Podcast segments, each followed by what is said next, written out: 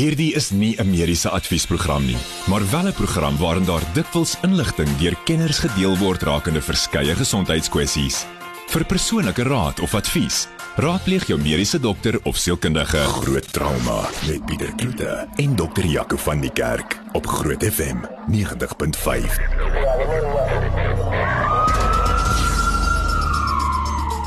Goeienaand Jaco, baie welkom. Goeienaand Pieter, goeienaand almal wat luister.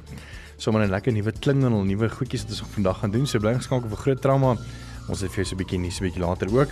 Maar kom ons begin sommer met nuus wat nou ehm um, nuus gemaak het die afgelope ruk. Ek dink op almal se lippe is om te hoor wat gebeur het met hierdie hele ehm uh, eiendoms uh, persone wat nou gewerk het vir die vir Propman wat in Ferry Glen oorlede is. Uh, drie van die vier is oorlede en een persoon 'n uh, dame is dan in 'n meer stabiele uh, toestand tans in die hospitaal en um, een van die familielede het sommer nou vir Mike Bolhuis ook aangestel om te en sy span 'n bietjie ondersoek te doen om te kyk wat daar gebeur het Jaco.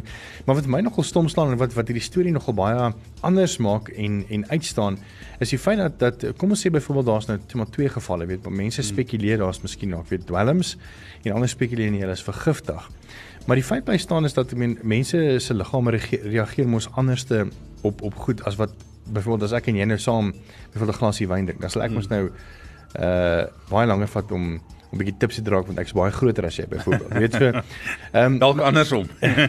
maar maar die feit bly staan Jaco in in jou opinie nee, en ek meen ons spekuleer nou hierdie weet ons hmm. ons weet geen wat van die bewyse en wat hulle nou gevind het en wat die die nadoodse ondersoek bewys het nie, maar kom ons vat maar net byvoorbeeld ek meen hoe is dit dat dat drie mense hulle bewussyn kan verloor of oor 'n oordosis of dan of 'n 'n 'n vergiftiging en nie een van hulle kan sê hoe ek voel nie lekker nie kom bel gou die ambulans of weet dat, dat niemand nooddienste probeer bel het nie.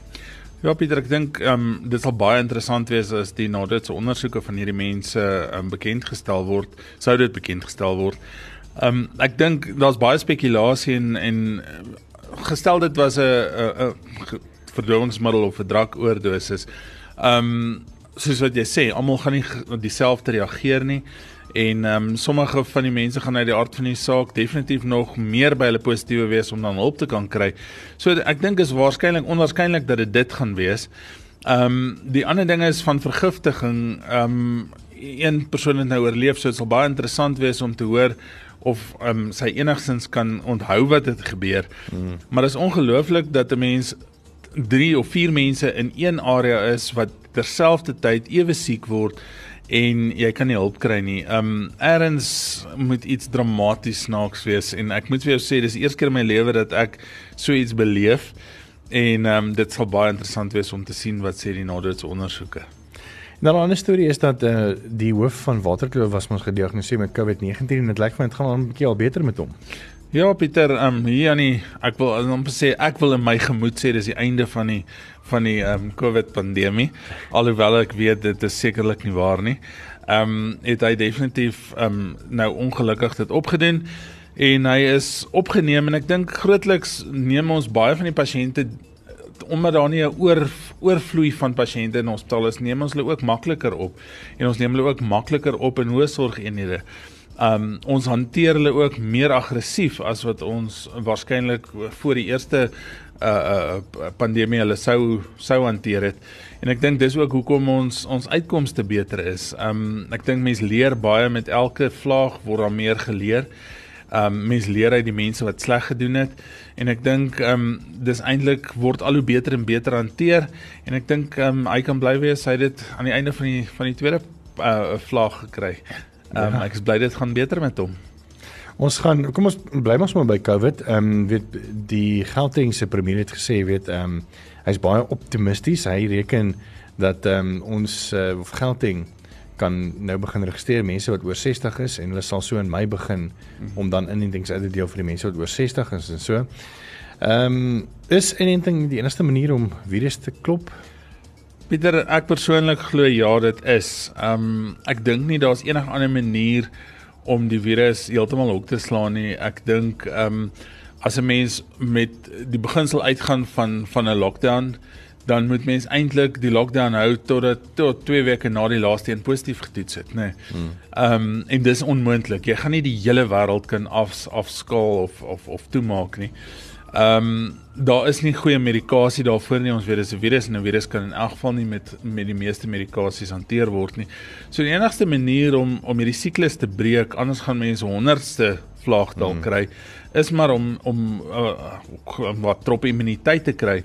Ehm um, en ek dink regtig waar dis die enigste manier om dit te kry. Dit beteken nie as jy die inenting gekry het dat jy nie kan siek word nie. Dit beteken net jy gaan waarskynlik doodgaan nie. Hmm. En ek dink ek het dit vandag aan 'n pasiënt ook gesê. Ehm um, ek het self die inenting gekry en hulle het my gevra hoekom het ek dit gekry want dit is nie 100% nie. Ek gee nie om of dit 100% is nie.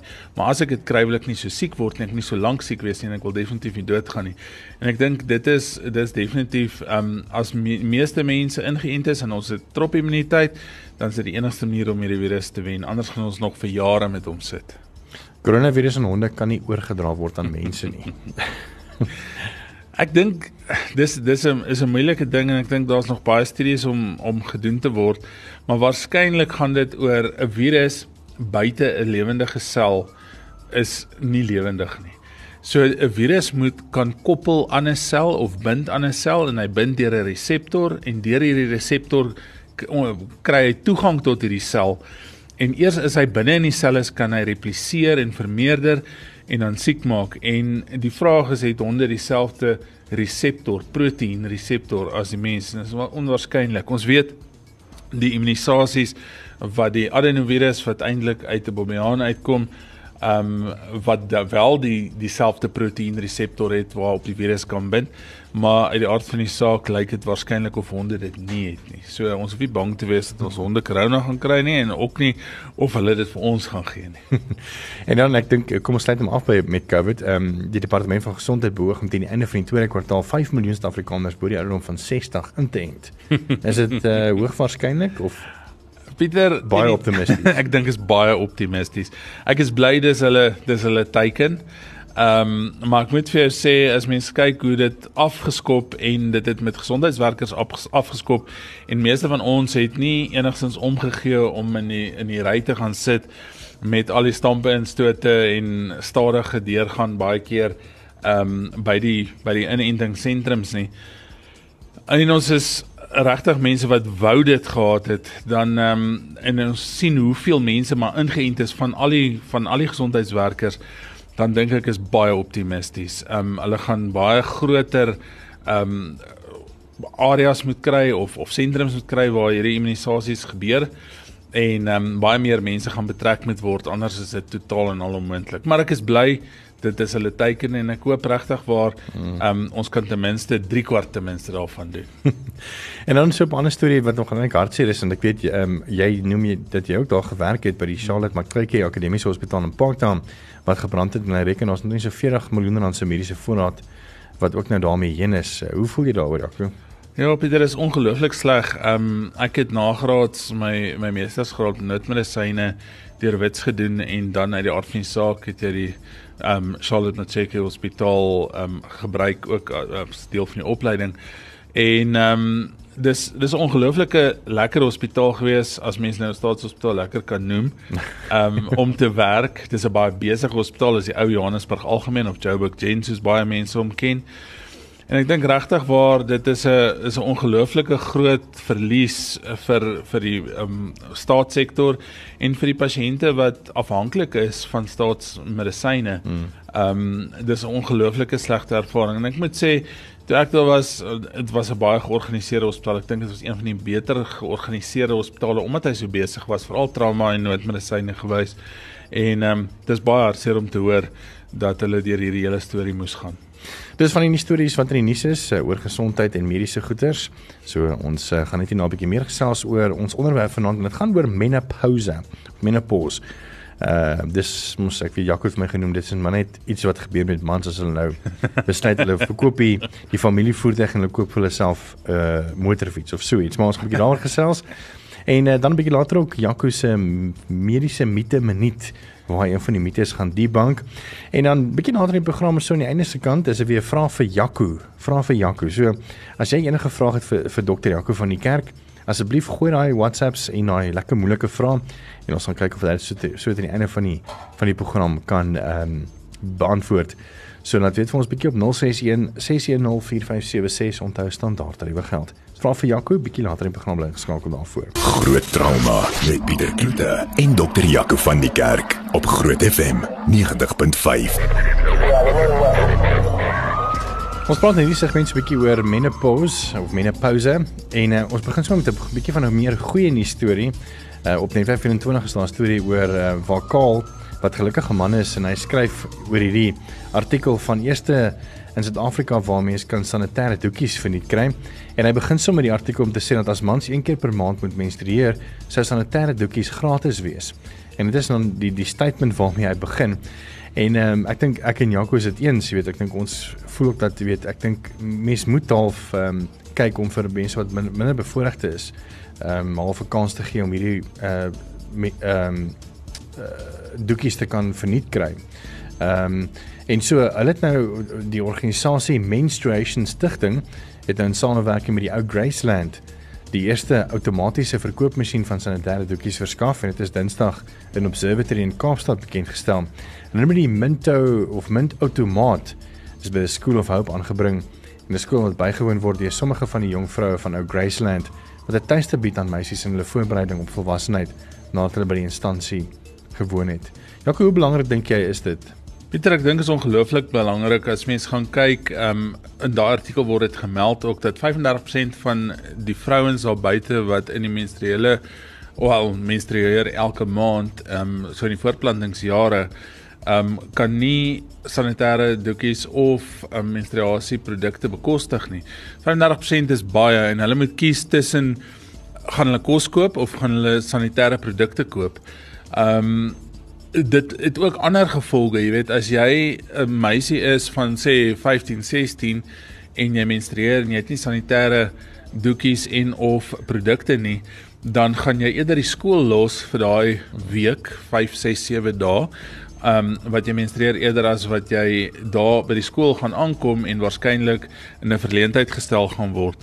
So daar's 'n groot armoede ten opsigte daarvan in ons land en ek dink is 'n ongelooflike um ding wat hulle doen deur dit beskikbaar te stel. Ek sien daar hulle wil graag hierdie sanitêre doekies vir 'n jaar borg vir hierdie vrouens of hierdie meisies waar hulle dan maandeliks um 'n munt kry of 'n ek wil amper sê 'n coin kry wat hulle dan nou daar in daai muntautomaat kan sit waar hulle dan 'n pakkie sanitêre doekies kry. Um ek dink dit gaan 'n groot verskil maak nie net op die die emosionele stand van die van die meisies nie, maar ook um dat hulle in die skole kan kom en dat hulle hulle geld kan gebruik vir ander produkte wat dalk beter of meer belangrik is vir oorlewing. Ehm um, dis 'n normale proses en almal weet daarvan en almal niemand wil daaroor praat nie. Mm. Ehm mm. um, en mense is skaam om daaroor te praat en ek weet nie regtig hoekom nie want dit is so normaal as wat dit is om te eet of te gaan slaap. Ehm um, maar ek dink ook baie mans dink nie daaraan nie omdat ons nie daardeur moet gaan nie. Ehm um, dit is regtig 'n ongelooflike projek en ek dink regtig waar baie mense kan baat vind daarbey en ek koop dit dit brei uit nie net in Kaapstad nie maar koop ook die oor die res van die land. Hmm. Daarby dink aan 'n storie en uh, doen jouself 'n guns as jy dit op 'n stroomdiens kan kry. Ehm um, daar's 'n dokumentêr gemaak wat eintlik maar half in 'n film verwerk is om dit baie makliker te te kyk, maar dit is gebaseer op 'n op 'n ware verhaal van Arunakalam Muranganatams. Ehm um, hy's 'n ou daar in Indië en ehm um, hy het besluit want ek meen sanitêre doekies in Indië was ongelukkig onbekostigbaar vir mense in die baie laer arm ehm um, gebiede. En hy het toe navorsing en dit natuurlik sy familie gekos en ek meen hy kom uit 'n baie baie arm familie uit. En éventueel het hy dit gerevolusionêr weet om om dan hier doekies teen ongelooflike goedkoop pryse aan vrouens ehm um, te gee. Ek meen daar's ook maar die die die stigma in Indië uh weens hulle geloof en so dat weet vrouens met ongelukkig weet en dat hy van die maand of dan weet nie by die man slaap nie of dan buite uh, op die stoep slaap of so of net weg van die man in 'n ander kamer uh omdat hulle voel dit is vuil. En ehm um, hy probeer dit al revolusionêr. Ja, ek dink daar's baie van hierdie ehm um, lande en en gelowe en selfs die Jode dink ek op 'n stadium het geglo dat vrouens onrein was um, tydens menstruasie en hulle is heeltemal anders hanteer. So vrouens was skaam en het nie daaroor gepraat nie en het dit probeer wegsteek en ehm um, dit is so onnodig. Ek dink daar's daar's soveel emosionele letsels daar buite dat ehm um, mense moet regtig waar van daai stigma wegkom. So as jy kan ehm um, die dokumentêr se naam is Menstrual Man en uh, jy sal nie spyt wees nie. Janko, dis nou tyd vir jou mediese mite minuut. Nou sê Pieter, um, ons gaan nou-nou oor menopouse praat, maar ehm um, meeste mense sê mens kan nie swanger raak tydens menopouse nie. Mens kan wel swanger raak tydens menopouse. Mens moet ten minste 1 jaar menstruasie vry wees voordat jy kan sê jy's veilig en jy kan nie swanger raak nie. So 'n mens moenie onverhoeds betrap word en op 49 of 50 dalk ewe skielik 'n swangerskap uh, vir jouself wen nie. en dit gebeur. En dit gebeur. Definitief. So dis jou mediese mite minuut. Ons het volgende week weer vir jou enetjie. Groot trauma met Pieter Kloete en dokter Jaco van die Kerk op Groot FM 90.5. Welkom terug by Groot Trauma. En uh, ons het 'n bietjie gesels oor uh, menopause natuurlik oor menstrueel en uh, en menstruasie doekies wat uh, eerder maar verniet moet, moet uh, versprei word aan mense wat dit nie kan bekostig nie of dames. En ons nou 'n bietjie fokus op menopouse. Dis mos nou Jaco daai tyd wat uh, of miskien voordat ek sê dat ons daarby gaan uitkom. As jy ons gaan so 'n bietjie later ehm um, vir Jaco 'n paar vrae gee. So as jy enige mediese vrae het, is nou jou kans om vir vrae vir Jaco. So stuur jou vrae na 061 6104576 onthou standaard tariewe geld. Dit kan enige vraag wees. Uh maak dit maar so moeilik as moontlik. Nee, grap. Nee. Enige vraag vir Jaco 061 6104576 onthou standaard tariewe geld. Jaco, menopause, dis mos maar wanneer ek nou half 'n midlife crisis klap en ek verkoop die familie die familie bussie waar die vier kinders kon inkom en nou koop ek vir my motorfiets. Of is dit nie so nie? Ja, Pieter, ek dink jy praat van andropause of die manlike variasie daarop. Hierdie middeljare is 'n uh, 'n uh, siklus sindroom waar almal dalk 'n uh, plat rooi sportmotortjie wil hê en dalk um, selfs hulle vrouens wil inruil. Ek weet nie of mense dit moet sê nie. maar in elk geval, ja, menopause is eintlik 'n ou term ehm um, en as mens gaan lees daaroor dan sal mens sien in die 19de eeu het die Franse dokters dit die eerste keer beskryf en hulle het die woord menopause uit ehm um, Grieks gaan leen waar pause beteken om te staak en mien beteken die maandeliks ehm um, so maandelikse staking. So dit is nie eintlik 'n direkte verwysing na menstruasie nie die die Griekse woord vir menstruasie is eintlik imminentia. So ehm um, die die die groot ding van menopouse is eintlik die staak van menstruasie. En mens kan eintlik eers die die definisie van menopouse aan voldoen as jy 'n jaar lank glad nie gemenstrueer het nie. So ons wil ons wil eintlik menstruasie uh, ag of of menopouse opdeel in verskillende fases. Ons praat van 'n premenopausale tydperk, 'n menopouse tydperk en dan 'n postmenopausale tydperk. Nou is maklik om die postmenopausale tydperk te bereken want dis 'n jaar en later van wanneer jy jou laaste menstruasie gehad het. Maar menopouse gebeur gemiddeld op 'n ouderdom van so tussen 47 en 45 ah en 55. Ehm um, En die meeste vrouens gaan tussen 49 en 52 en hulle sê 80% van hulle sal dan ophou om te menstrueer. Sure. Maar ongeveer hier by 546 begin jou menstruele siklus verander. So dit word of korter of dit raak ligter of dit raak meer ongereeld. En dis waar ons nou by die mediese minute 'n minute minuut gekom het is dat um, mense dink dan as hulle ongereelde menstruasie het of hulle skiep dalk 'n maand dan kan hulle nie meer swanger raak nie. Daai is die perimenopausale jare. Ehm um, die premenopausale jare is definitief net die eerste siklus wat abnormaal is vir daai vrou as sy 'n normale siklus gehad het. Ehm um, maar daar's ook afwykings op hierdie tema. As 'n mens um, hierdie simptome begin kry voor die ouderdom van 40, dan praat ons van premature ovariële versaking. Nou o premature ovariële versaking beteken maar net jou ovaria maak nie meer daai hormone wat nodig is vir 'n normale menstruele siklus nie.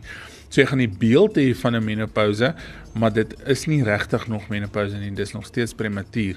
Kan jy dit behandel met byvoorbeeld 'n uh, eh, hormoonbehandeling? Definitief. Ehm um, dis een van die groot behandelingsmodaliteite vir menopouse is hormoonbehandeling en ehm um, dis 'n ongelooflike belangrike modaliteit want ehm um, Almal dink altyd as jy weet hormoonbehandeling het net neeweffekte. Almal dink aan die potensiële ehm um, risiko vir bloedklonte wat dan longbloedklonte of pulmonale embolisme kan veroorsaak. Almal dink aan wat daar op 'n stadium so baie geskryf is oor borskanker risiko's. En ek moet sê dit dit is dit is risiko's, maar dit word al hoe minder want ons gebruik al hoe laer dosisse um, hormone. Daar's deesdae ook sintetiese hormone, daar is meer plantaardige estrogen derivate. So daar's baie meer biologies vriendelik kan ek amper sê, um estrogene en estrogen vervangings op die mark. Daar's groot kontroversie oor hoe lank jy hierdie hormone gaan moet gebruik. Ehm um, as jy vir die ginekoloog vra, dan gaan hulle vir jou sê tot baie laat in jou lewe kan jy dit gebruik want hulle wil osteoporose voorkom, hulle wil koronêre vatsiekte voorkom, hulle wil jou hot flushes simptome voorkom. Ehm um, vrouens wat menopouse ehm um, bereik het, baie van hulle gaan vir jou sê hulle slaappatrone is abnormaal, hulle vel word droog, hulle hare val uit, hulle kry gewigstoename. Ehm um, en dis hoekom baie van die van die ouens sê gaan aan met die medikasie. Daar's soveel sisteme wat aangetast word deur menopouse dat ehm um, jy jy daarmee kan aangaan. As jy vir die interniste gaan vra, ehm um, en ek ek ek dink aan dokter Koning, dan gaan hulle vir jou sê moenie na 65 vir 'n vrou hormone gee want hulle sien net die komplikasies, jy weet. So ehm um, daar's groot kontroversie oor hoe lank jy dit moet gebruik. Maar daar's mense wat glad nie hormoonvervanging kan kry nie en dis mense wat reeds borskanker gehad het, mense wat 'n hoë risiko het vir bloedklonte. Um ek dink selfs net aan rokers wat 'n hoë risiko het vir pulmonale embolisme op sy eie en nou sit jy hormoon by, dan gaan hulle waarskynlik ergens langs die pad 'n komplikasie kry. So daar is mense wat nie hormoonvervangingsterapie kry nie, maar die die die stryd is nie verlore vir hulle nie. Ehm um, daar is ander medikasies op die mark. Ehm um, selfs net lae dosisse serotonien heropname in die beerders wat een van die groep antidepressante is kan help om hulle om hulle ehm um, simptome onder beheer te kry. Daar's klonidine wat wat die aktiewe middel is van 'n paar eh, kommersiële beskikbare middels wat vir jou simptoomverligting gee ehm um, sonder dat jy fisies hormoonvervanging kry. So die mense wat teen hormoonvervangingsterapie is, gaan ook 'n opsie hê om nog steeds hulle simptome te kan behandel. Mense moet besef menopouse is nie 'n siekte nie. Menopouse is 'n 'n 'n stadium van 'n vrou se lewe en is 'n normale stadium van 'n vrou se lewe. En dit word baie verskillend geïnterpreteer deur verskillende mense daar buite in terme van afhangend wat jou etniese groep is, afhangend van wat jou kultuur is. Um en afhangend daar's 'n groot studie gemaak wat sê dit hang ook af of jy op die platteland werk teenoor of bly teenoor wat jy in die stad bly, hoe vrouens dit ervaar. En as vrouens dit ervaar as 'n mediese toestand, is hulle simptome baie erger.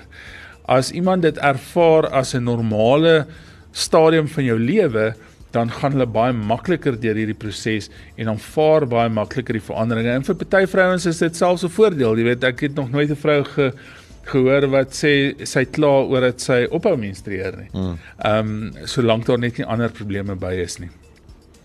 Ons gaan net nou as dit weer vra vir Jaco, as enige vrae het, mees welkom te vra 061 610 4576 onthou staan daardie geld.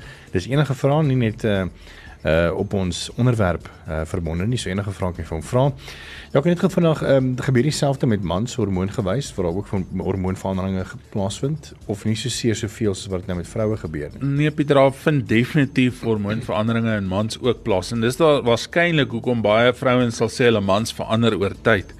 Ehm um, net soos wat estrogen en progesteroon, die vroulike hormone verminder ehm um, tydens die menopouse proses so sal die ehm um, androgene of die testosteroon in mans dan ook verminder oor tyd.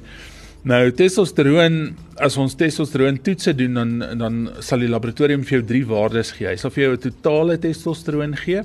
Hy sal vir jou 'n ding gee wat hulle noem 'n SHBG of 'n sekshormoonbindingsglobulien wat eintlik 'n proteïen is wat testosteroon ronddra en dan sal hy vir jou vry testosteroon gee. Mens moet baie mooi na daai daai verskillende fraksies gaan kyk om te besef daai ou het definitief 'n testosteroon tekort. En dis eintlik maar soos wat jy ovariële versaking kry in die vrou wat dan vir jou jou menopouse gee kry jy eintlik testikulêre versaking of hipofunksie of onderfunksie in die man.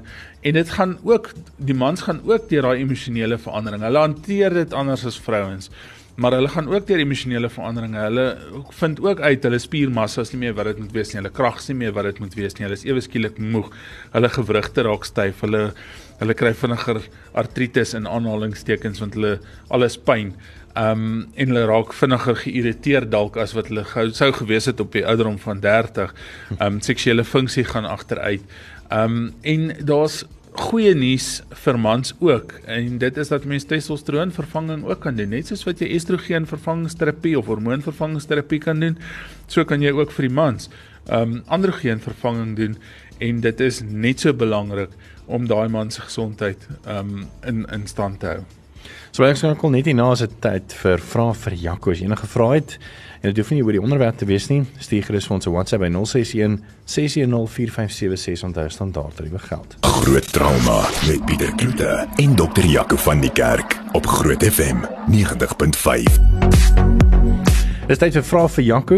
Jy kan enige vrae stuur net aan 061 6104576 onthou standaard tariewe geld. Dit ek baie vrae deurgekom het oor ons onderwerp vanaand Jaco. Jy kan sommer een vir een deur elkeen gaan as jy wil. Ja Pieter, ek is sommer opgewonde. Die meeste mense het baie lekker vrae gevra. Ehm um, my eerste vraag is kan mens nog in ehm um, IVF terapie ontvang vir swangerskap pre-menopouse of in baie vroeë menopouse?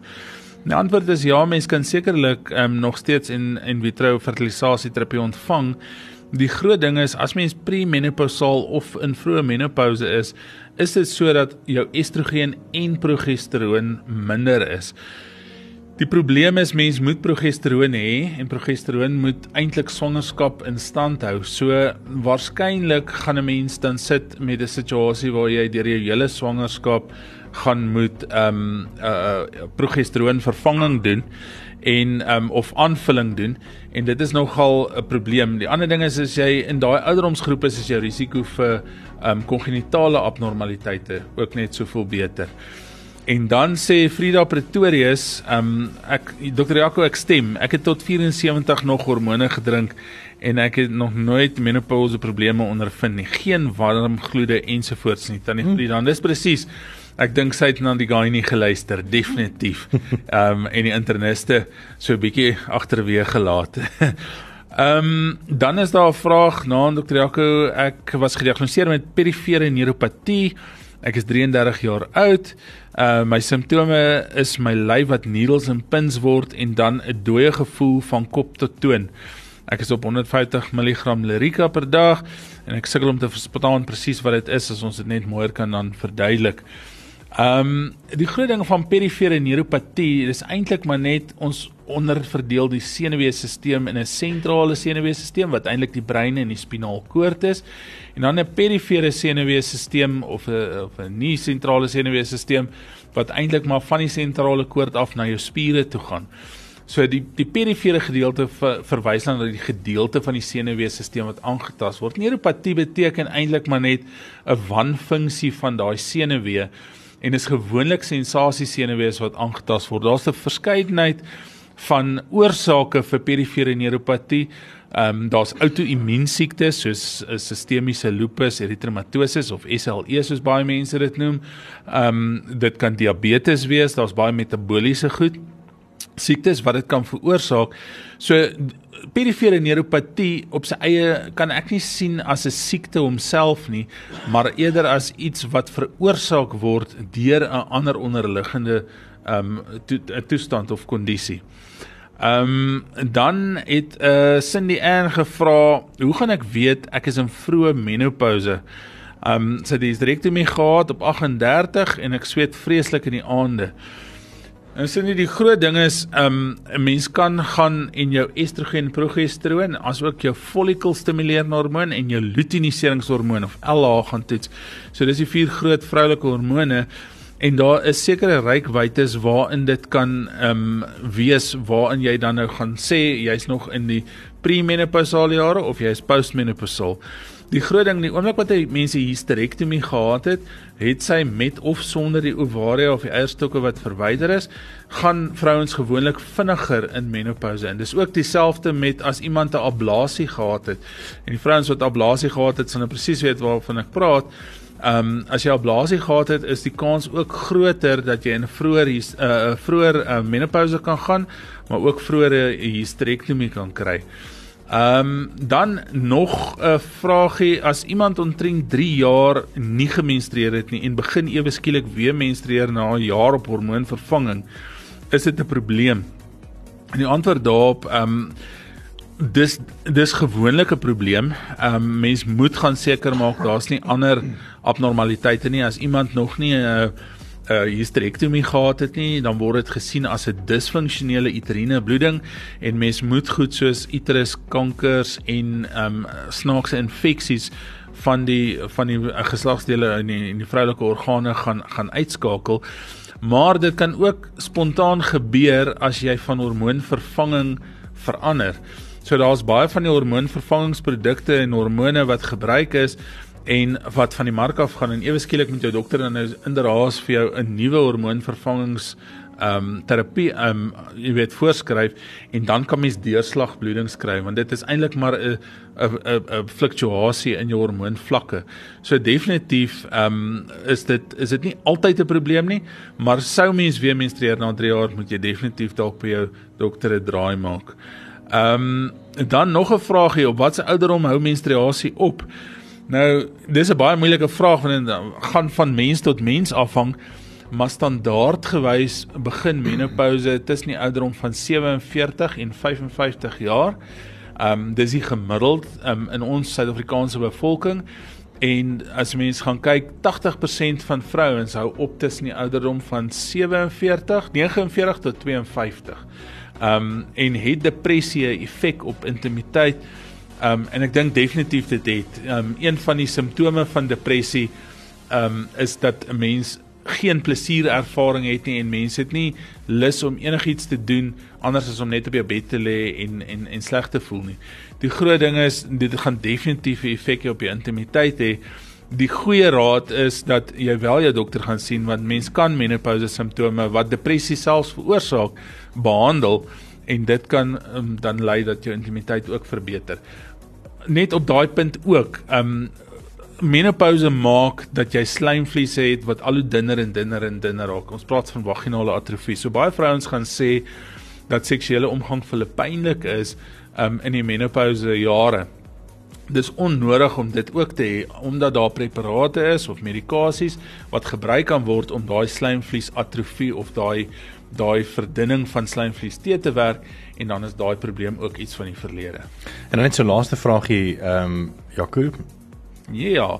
Ehm um, hy groot wem ek wil gou iets vra. Progressiewe spierswakheid of verlamming wat voorkom as gevolg van perifere ehm um, of spinale senuwees, wat beteken dit? Ehm um, en dis van Hugo Smit. Hugo as jy spierswakheid begin kry wat ehm um, as gevolg van spinale senuwees het wat vasdruk dan is dit gewoonlik maar 'n kompressie en en is 'n senuwee geleidingsprobleem. Ehm um, meeste mense wat spierswakheid kry as gevolg van 'n spinaal senuwee wat vasdruk, moet eintlik ook so vinnig as moontlik iets daaraan doen want 'n senuwee beskadig in verskeie fases. Ons praat van 'n neuropraksie. 'n Neuropraksie is letterlik amper soos 'n kneuswond van die senuwee. So as jy 'n senuwee 'n neuropraksie besering gekry het, kan hy herstel en hy herstel gewoonlik 100%, maar dit vat tyd. Die tweede ding is 'n neurotmese, beteken dit daar's van hierdie senuweefesels wat so seer gekry het dat van die vesels doodgaan en 'n mens herstel nog steeds tot op 'n mate, maar nie 100% nie. En dan kry jy aksonotmese wat eintlik beteken daai senuwee is heeltemal dood. So dis regtig ehm um, belangrik as mens spierswakheid kry om so vinnig as moontlik jou dokter huisdokter te gaan sien wat jy dan verder kan verwys na 'n uh, spinaal dokter toe wat dan kan gaan kyk dat jy nie 'n kritieke ehm um, senuwee kompressie het nie want jy kan sit met permanente skade daarna. So dis dit vir vanaand se vraag vir dokter Jaco van die kerk. Blink skakel volgende week vir groot trauma en dan kan jy weer jou vrae reghou en ons gaan 'n bietjie daarby uh antwoord. Dankie weer eens, dankie vir 'n lekker eerste nuwe vars bietjie. Ons het 'n bietjie dinge rondgeskuif en 'n bietjie nuwe veranderinge ingebring en ek dink jy het ook dan agtergekom met al die lekker vrae wat jy vir ons gestuur het. So baie dankie vir die saamluister. Jaco, soos gewoonlik, baie dankie vir. Dankie Pieter, dankie aan almal. Groot FM 90.5, jou grootste FM in Pretoria.